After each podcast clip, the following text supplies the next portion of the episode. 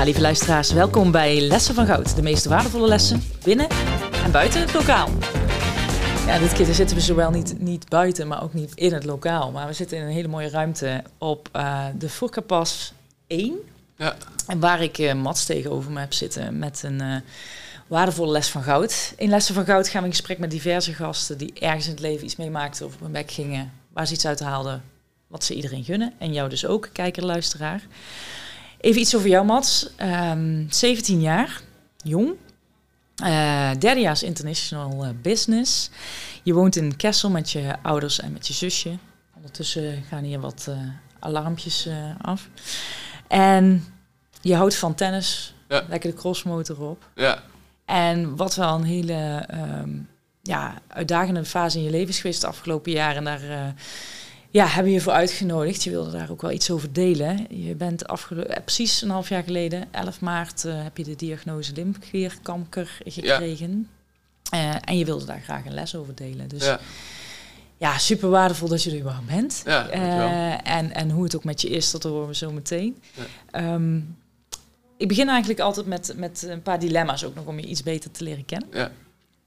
Uh, eerste dilemma wat ik je zou willen geven is, uh, kies je voor een buitenlandstage bij een horlogehandel of zeg je doe mij maar twee, twee weken lekker op mijn gat uh, in de zon? Nou, als je een horlogehandel iets in die richting voor mij kan vinden, dan spring ik graag de horlogehandel in. Maar, Oké. Okay.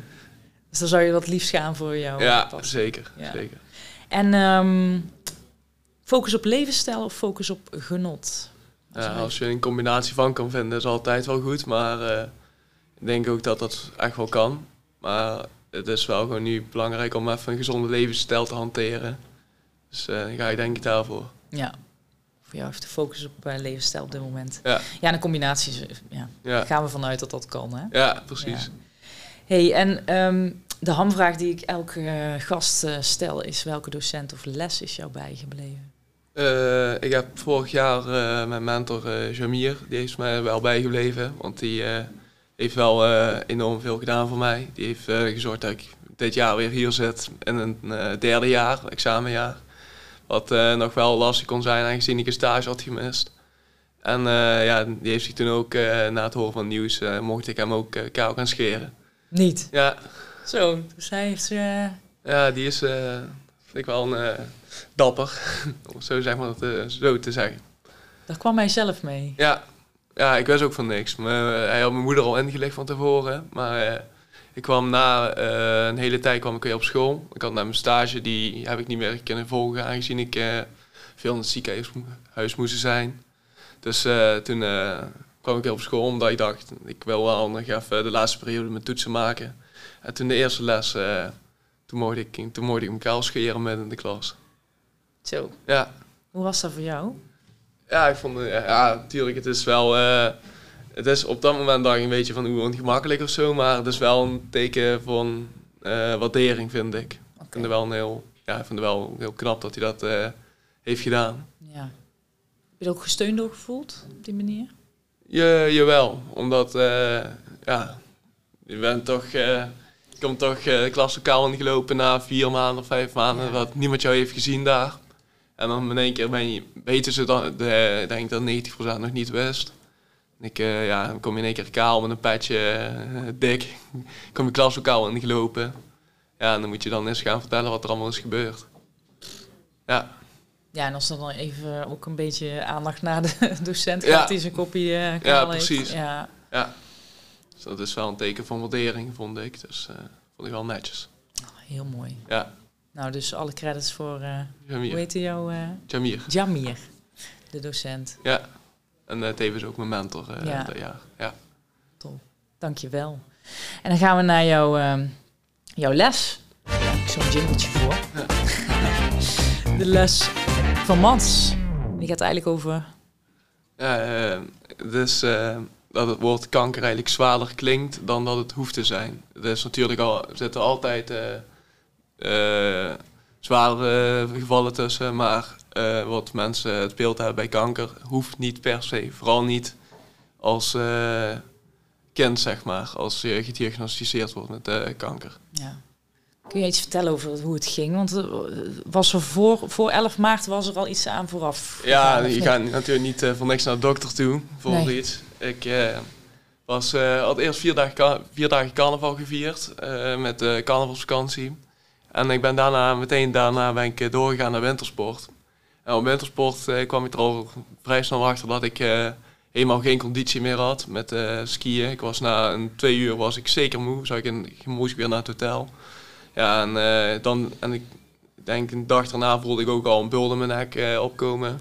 Ja, dus ik dacht van, ah shit, ik heb een virus opgenomen, Pfeiffer of zo. En dus daar heb ik eigenlijk verder niks bij gedacht. Maar een week later zat die bult nog steeds. En toen dacht ik, nog, steeds van, er hoeft niks aan de hand te zijn, ontstekentje. Dus ben ik toen zei mijn moeder van, ja, laat toch maar even nakijken door de dokter. Misschien krijg je antibiotica en dan gaat het dan wel wel beter toen ben ik naar de dokter gegaan en uh, die heeft toen heel goed opgelaten. Die heeft me meteen naar mijn hals gevoeld. En die zei, uh, Five was een stuk hoger in je nek. En dit is meestal, tegen sleutelbeen aan, is meestal al een vorm van Hodgkin of non-Hodgkin. Gadverdamme. Ja, wat een lymfeklierkanker. Ja. ik wist helemaal niet wat er was. Ik zo, oh, ja. En hij zei zo, ja, dat uh, valt wel onder lymfeklierkanker. En toen hoorde je in één keer het woord kanker. Maar, ze, maar wat ze zou ook zei, is, het kan ook nog steeds een ontsteking zijn. Dus we gaan, je, je mag nu even met spoed bloed gaan prikken boven. En dan uh, bel ik je dadelijk terug voor de uitslag. En toen om 11 uur was er nog steeds geen uitslag. Dit was uh, tevens 10 maart. Dus, ehm, en toen rond half 12 werd er gebeld van... We weten nog steeds, niet zeker, want je bloed kan een ontsteking zijn, maar ook Hodgkin. Dus dat is weer... dus, de, dus je moet morgen naar het ziekenhuis komen in Venlo. En daar gaan ze eens even verder, gaat de kinderarts naar jou kijken. En dus die dag daarna naar Venlo geweest. En daar heb ik, kreeg, kwam ik in zo'n klein kamertje te zitten. Ja. Ja, en er werden al een aantal dingen aan mij gevraagd en ik kon er goed op antwoorden. En zeiden oké, okay, na, wat net gevraagd is, denken we eigenlijk wel dat je gewoon een ontsteking hebt. Dus ik zou niet al te bang meer zijn. Dus ik dacht, oh fijn. Dus wij begonnen al, ik en mijn ouders begonnen al een beetje weer te lachen in die kamer. En dan kwam weer op zweren. En toen een keer moest ik nog voor daar even longfoto's maken. En toen een half uur later kwamen er een keer vijf dokters mijn kamer binnenlopen. En uh, die zeiden, we hebben toch uh, absoluut geen goed nieuws op dit moment te brengen. Dus, en toen zeiden ze van, je bent ge je hebt uh, Hodgkin. Dat ze, nee, dat mochten ze toen nog niet zeggen, omdat het ook non-Hodgkin kon zijn. Mm. Zei je, je hebt een lymfoop. En dat is gewoon lymfklierkanker. En, uh, en zeiden ook meteen, je moet uh, vannacht meteen blijven slapen in hier in dit ziekenhuis. Want het zit al flink om je slokdarm en luchtpijp heen. We zijn heel bang dat je het jou nu dicht gaat duwen. Dus dat die oh, gewoon gaan stikken. Ja. En toen dacht ik van, shit, ja, dan, uh, op dat moment bleef ik zeer rustig, omdat ik het eigenlijk niet verwerkt had. Maar daarna uh, kom je er toch wel een beetje op besef dat uh, je wereld in één keer op, je, op zijn kop staat, zeg maar. Zo. Ja. ja, dus op het moment dat het gezegd wordt, is het bijna zo'n ja. of zo, een roesje. Ja, dan denk je dan wel in één keer wazig of zo, ik weet niet wat was. Ja. Maar ja, toen begon het wel eng te worden, want het was zeg maar, de vrijdag kreeg je te horen. We moesten vrijdag ook nog blijven slapen. Maar je had nog alleen, je hebt zeg maar alleen te horen gekregen van luister, je hebt kanker. Uh, het zit al, wat we nu kunnen zien, al best ver. En we weten niet hoe en wat. Dat gaan ze in Utrecht uitzoeken bij, uh, bij Maxima Centrum, maar dat gebeurt pas maandag. Dus dan zit je twee dagen even in uh, stress van, ga je nog overleven of niet? of, of moet ik dadelijk zes maanden in een ziekenhuis gaan zitten elke dag? Ja, ja, ja staat even alles op zijn kop. Maar ja. En, en voor jou op zijn kop. En tegelijkertijd je ziet ook je ouders en... Ja, mijn eh, ouders die raakten meteen in paniek. Ja. Maar om gewoon puur door het zwaar beladen woorden eigenlijk. Hmm. Ja, en ik moest toen... Ik heb toen mijn vriendin opgebeld. mijn, mijn vrienden allemaal opgebeld. Ja, allemaal zeer geschokt. Dus ja, dan denk je in één keer van... dit gebeurt eigenlijk normaal anderen, mij niet. Ja. ja. En nu overkomt het jou. Ja. En toen? Toen ben je daar naar uh, Maxima gegaan? Ja, ik ben, uh, maandag ben ik uh, meteen naar Maxima gegaan in Utrecht. Dat is een centrum gespecialiseerd in kinderoncologie. En eh, daar eh, ben ik eh, al, met, eigenlijk al meteen opgevangen door een soci- door eh, eh, Zo maatschappelijk werk. ja, meer psychologische hulp meer, Ja. pedagogische hulp. ja. En eh, die heeft mij al meteen eh, wel een beetje gerust kunnen stellen. Want je komt natuurlijk in een ziekenhuis binnen waar kleine kinderen die ernstig ziek zijn met eh, slangetjes door hun neus en sommigen zonder benen, kom je binnengelopen. Dus eh, ja, je schrik je dan wel echt kapot. Dus, maar ik ben, een kwartier later werd ik al naar mijn oncoloog toegeroepen en die zei van, eh, luister, eh, de, de kans dat jij Hodgkin hebt in plaats van non-Hodgkin is 95% gezien jouw leeftijd, want Hodgkin is een puberziekte meer. En ehm Hodgkin is 95% eh, prognose, dus 95% kans dat je beter wordt. Ja, en toen dacht ik al van, dan gaat er al meteen een druk van je schouders af. Ja. Maar toen eh, kreeg ik ook niet te horen dat ik alleen maar naar het ziekenhuis hoefde te komen voor chemo's en voor, eh voor tussentijdse metingen zoals PET-scans, MRI-scans en alles. En eh, dan ben je eigenlijk, daarna mag je al meteen naar huis. En toen ik begon ik het positieve weer een beetje terug te krijgen. En toen dacht ik ook van, nou maak mij maar een schema van eh, wat mij te wachten kan komen. ja, zodat je ook weet wat Ja. je te wachten staat. Ja, dat is vooral even het belangrijke. Want eh, ze zei, hij zei meteen van, eh, we gaan je morgen opereren. Want we moeten nog steeds 100% zeker weten dat het Hodgkin is. Dus we moeten een punctie gaan nemen van jouw nek. En we moeten jou een kastje erin gaan zetten voor het infuus dadelijk in te prikken. Zodat je niet de hele tijd zo'n naald in je arm krijgt. Ja, toen ben ik in één week tijd twee keer geopereerd. En eh, toen eh, de week daarna al meteen de MRI-scan en PET-scan en bloed geprikt. Hart-echo, long-echo. Eh, dat was in één dag tijd allemaal. zo. Ja, Maar dan ben je, dan, je wordt gewoon het ja, wordt eigenlijk sneltrein, ja, wordt eigenlijk sneltrein ingeduwd, zeg maar. Zo snel mogelijk, je, zo snel mogelijk je behandelplan op tafel leggen was meer het doel. Zo. Ja, en het kreeg een behandelplan. Dat bestond uit ehm, vier kuren. En een kuur bestaat, je hebt twee zware kuren. Daar begin je mee. En ehm, dat bestaat uit eh, vijf dagen chemo achter elkaar. Eh, één- twee dagen niks, weer een dag chemo, een dag niks, weer chemo. En dan weer twee weken rust. En dan weer je volgende kuur. Dus eh, ik was, dat vond ik nog wel best heftig. Nou, vooral de... Vooral de eerste chemo, dan ben je gewoon heel zenuwachtig. En vooral het idee dat je kaal gaat worden is eng. Dat vond ik ook het moeilijkste denk ik van allemaal. Je hebt er ook een hoop over gehoord en Ja, precies. gezien En, ja. Eh, Maar eh, ja, de eerste chemo ben ik ook wel flink ziek geworden. Dat was de eerste dag. Want eh, je hebt niet één, verschillende, één soort chemo. Er zijn drie soorten chemo's waar ze je mee gaan behandelen. En de eerste dag krijg je ze alle drie in één keer. Dus toen we, die combinatie van, die maak je, maakte mij wel ziek. Dus, en dat was de eerste dag.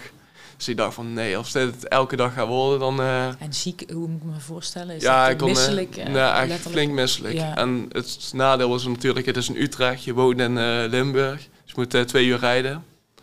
En dat maakt je nog steeds een stuk, nog een stuk misselijker. Oh ja, dus op die chemodag, je ging ook nog weer naar huis? ja, Oh. precies. Ja. Ja, dus ja, dan lag je op bed en kon je even niks meer. Nou, toen zakte me weer de moed een beetje in de schoenen. Mm. Maar die dag daarna was ik weer niet ziek. Wel weer moe, eh, uitgeput. Maar het ging allemaal wel. En de rest van de tijd heeft dat zich ook... De rest van de kuur heeft zich dat ook zo voort kunnen trekken. Dat ik me niet fit voelde, maar niet ziek.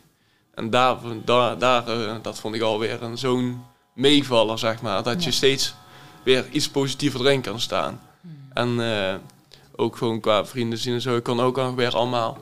Dus in principe kom je, krijg je zoveel weer, krijg je één grote tegenslag en daarna steeds meer soort van druk van je schouders afgaat. En dat Ja. houdt ook wel heel veel positiviteit erin. Kom wel de hoop erin houden. Ja, Ja. maar eh, ja, toen we met de PET-scan wel nog een tegenslag gehad de eerste keer. Omdat eh, je hebt vier stadiums meestal een kanker. En bij mij zat het al in stadium 3. Dus dat was al flink. En dus dan ga je weer eh, helemaal met hartkloppingen naar het ziekenhuis toe. En zegt de dokter van ja, maakt eigenlijk helemaal niet uit in welk stadium je zit. kunnen je nog steeds veel makkelijk behandelen. Dus eh, je hoeft je niet druk te maken daarom. Dus je wordt wel echt enorm gerustgesteld. En dat is ook wel weer fijn. Ja. Dat je toch telkens ook weer in je kopje van, oeh, zo het, oh, gaat dit dan weer? Ja. Eh, ja, echt een beetje scannen ook op angst, hè? Ja, Je precies. gaat ook, eh, Ja, het is een beetje je oerbrein wat dan aangaat, hè? Ja. Je scant op Ja, waar het gevaar eventueel kan zitten. ja, ja. gewoon weer kleine paniek momentjes. Maar het ging zo voorspoedig en alles sloeg aan. En na twee, zeg maar, het was ook twee zware kuren. En daarna maakten ze een petscan van jou. En op die petscan mocht niks meer dan te zien zijn. Dan moest je eigenlijk al schoon zijn. En eh, dat kon. Of als dat zo was, kreeg je twee milde kuren. Zat er nog iets of was er nog iets te bekennen, kreeg je weer twee zware kuren. En na die twee, als er na die twee zware kuren nog wat te bekennen was, kreeg je bestralingen. Dan eh, krijg je in één keer een heel lang proces. Mm, Maar bij mij had de, de PET-scan de tweede keer meteen aangeslagen. Alles. Dus ik was weer schoon. En dan moet je nog twee milde kuren erachteraan gaan doen. Nou, dat... eh, waren, nog steeds- waren die ook mild? ja, je werd nog steeds misselijk, maar ze zagen korter en je haar begon alweer eh, langzaam terug te groeien.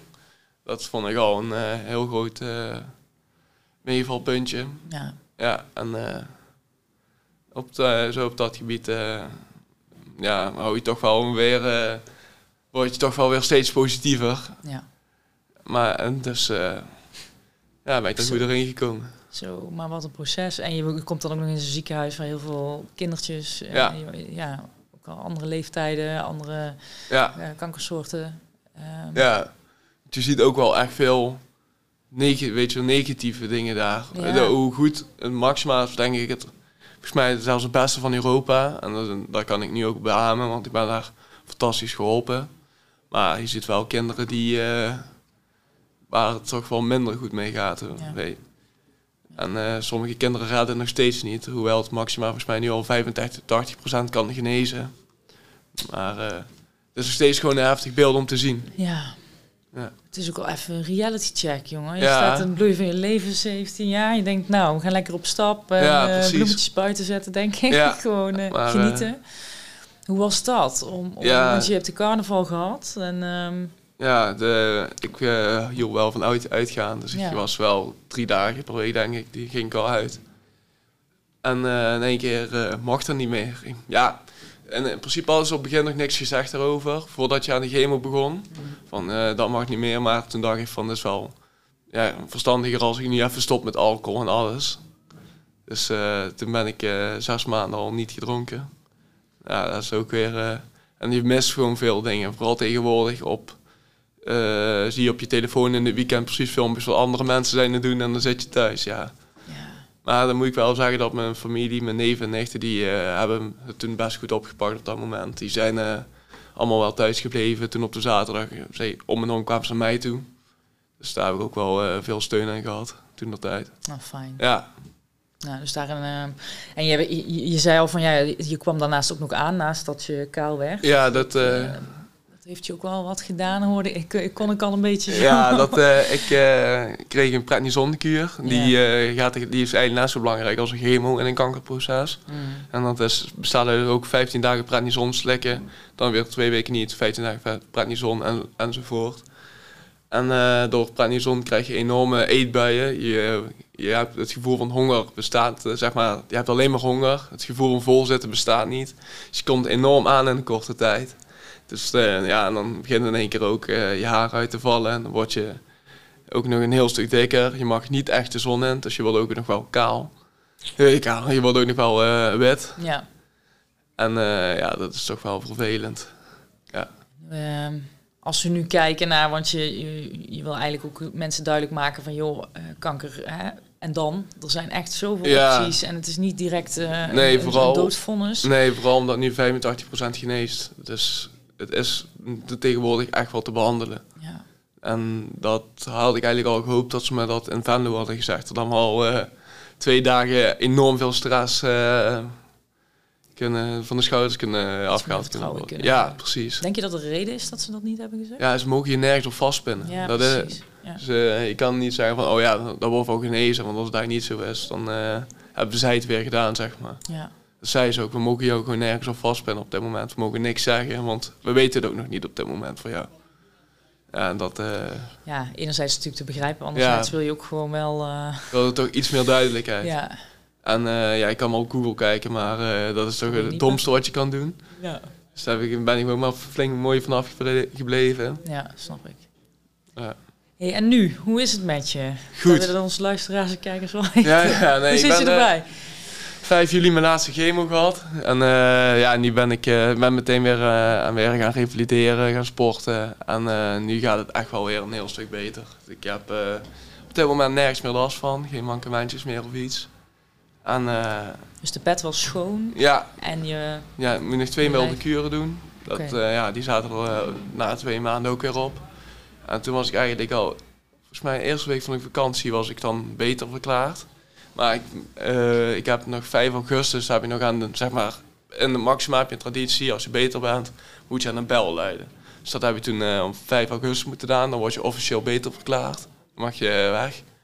Daar, dan word je een beetje ontslagen uit het ziekenhuis. dan mag je een bel? Ja, je krijgt, ja, er hangt dan, dat is een traditie in het Maxima Centrum. Als je bent genezen, dan Oh, komen ze met zo'n bel aan en dan moet je uh, daaraan gaan luiden. Zodat iedereen ook hoort. Ja, eh, dat er weer iemand beter is, denk ik. Ja, Ja, kippenvel man. ja, ja. ja. dat is wel eh, een fijn moment, zeg maar, op zo'n moment. Dat je gewoon weet van, klaar nu. Ja. Ja, Wow. ja, Het is echt een heftig half jaar geweest, jongen. ja. En nu in een herstelproces, conditie, is iets wat Ja, je probeert op te bouwen. Zes keer per week eh, sporten, ongeveer. En dat eh, bestaat uit cardio en kracht. Ben tennis ook weer op mijn pakken, dat kon ik een hele tijd niet. En ik heb, eh, ehm, omdat ik eigenlijk geen, omdat ik wel wat wou doen, want je zit thuis tijdens die chemo's en zo. En je gaat niet naar school, dus ik wou wat doen. Dus toen eh, ben ik gaan golven, heb ik me, ben me dat gaan leren. Oh ja. Ik dacht, ja, daar hoef ik niet voor. Ja, mijn vader deed het en ik dacht, daar hoef ik niet voor te rennen of iets. Dat is gewoon eh, slaan en dan stap je een buggy in of je loopt even een stukje en dan ben je weg. Ja, precies. Ja, Nieuwe, nieuwe hobby rijken. ja, dus, maar ik ben nu vooral aan het, eh, ja, vooral aan het sporten nu. Ja. En eh, ook wel weer eh, alles op een pak, ook qua uitgaan nu weer een beetje. Een dag, eh, dat heeft ook al lang geduurd. Ja, maar ook even, weer even leven. Ja, precies. maken. Weer ja. even, ja. ja. En je hebt vooral ook je leefstijl ook nog een en ander aangepakt. Ja. Zijn er dingen die je jouw, jouw medestudenten of, of überhaupt luisteraars, hè, want binnen en buiten het lokaal wordt dit Ja. beluisterd. Wat zou je mensen willen laten weten of meegeven? Van? Van wat, wat je hier nou, hoe je er nu anders in staat ten opzichte van Ja, voordat je de diagnose kreeg. Ik, heb, eh, ik denk, ik sta er wel anders in, omdat ik wel gewoon weer de oude word. Dus dan moet ik nog een tandje bij gaan zetten en revalideren en alles. Maar van tevoren was mijn levensstijl gewoon echt niet goed. Dat, dat was eh, heel slecht. En nu ik da- dat weer een beetje op de rails heb, eh, merk je ook wel aan vetheid. eh, dat, je veel, dat ik in één keer veel meer eh, concentratie heb, veel meer discipline en alles. En dat helpt toch ook wel weer enorm. Ja. Mooi. Ja, Hey, ik vind het fantastisch dat je je verhaal ook wil delen met ons. En Ja. dat we op deze manier ondertussen is de, volgens mij de pauze begonnen Ja. En eh, nou vooral echt ja, super stoer hoe je erover vertelt ook. ja, En, en ik ben blij dat je er zit zoals je er nu zit. ja. Je hebt een, eh, ja. door een heftig half jaar gebikkeld. Ja, maar eh, toch voelt het niet zo dat ik echt iets, echt iets zwaar achter de rug heb, omdat het zoveel spoedig is gegaan. Ja, En, maar dat zei de oncoloog ook, als je er positief in staat, dan gaat het proces ook een heel stuk makkelijker. En ook vooral als het klaar is, want je kan ook nog een naklap krijgen daarvan mentaal. Van, eh, Hmm. je zit dadelijk, eh, ja, dadelijk weer alles mee, van alles meegemaakt en nu eh, word je weer losgelaten. Maar daarom ben ik nu ook weer gewoon sport en afleidingen zoeken en weer met vrienden alles aan doen. Dat ik zoveel, zo min mogelijk met mezelf ben op dit moment. ja. En dat helpt enorm. Dus. ja. Want als je met jezelf bent, dan is het nog... Nee, ja, nou, dat valt eigenlijk ook wel mee. Maar dus, ja, ik denk als je me een dag op een kamer zet, dat ik eh, niet goed word. Nee, Maar nee, ik heb lang, thuis, eh, lang zat thuis gezeten Ja. eigenlijk. klaar om er lekker uit te Ja, Nou, lekker eruit gaan dan. En Ja. voor iedereen die kijkt of luistert, eh vier het leven. ja, precies. En Ja. eh, weet dat eh, kanker niet het einde hoeft te zijn. Nee, En, precies.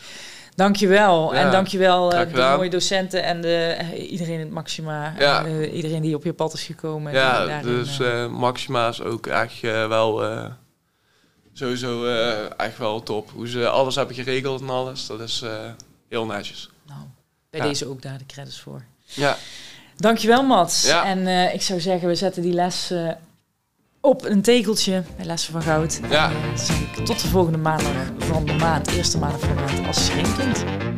Lessen van Goud.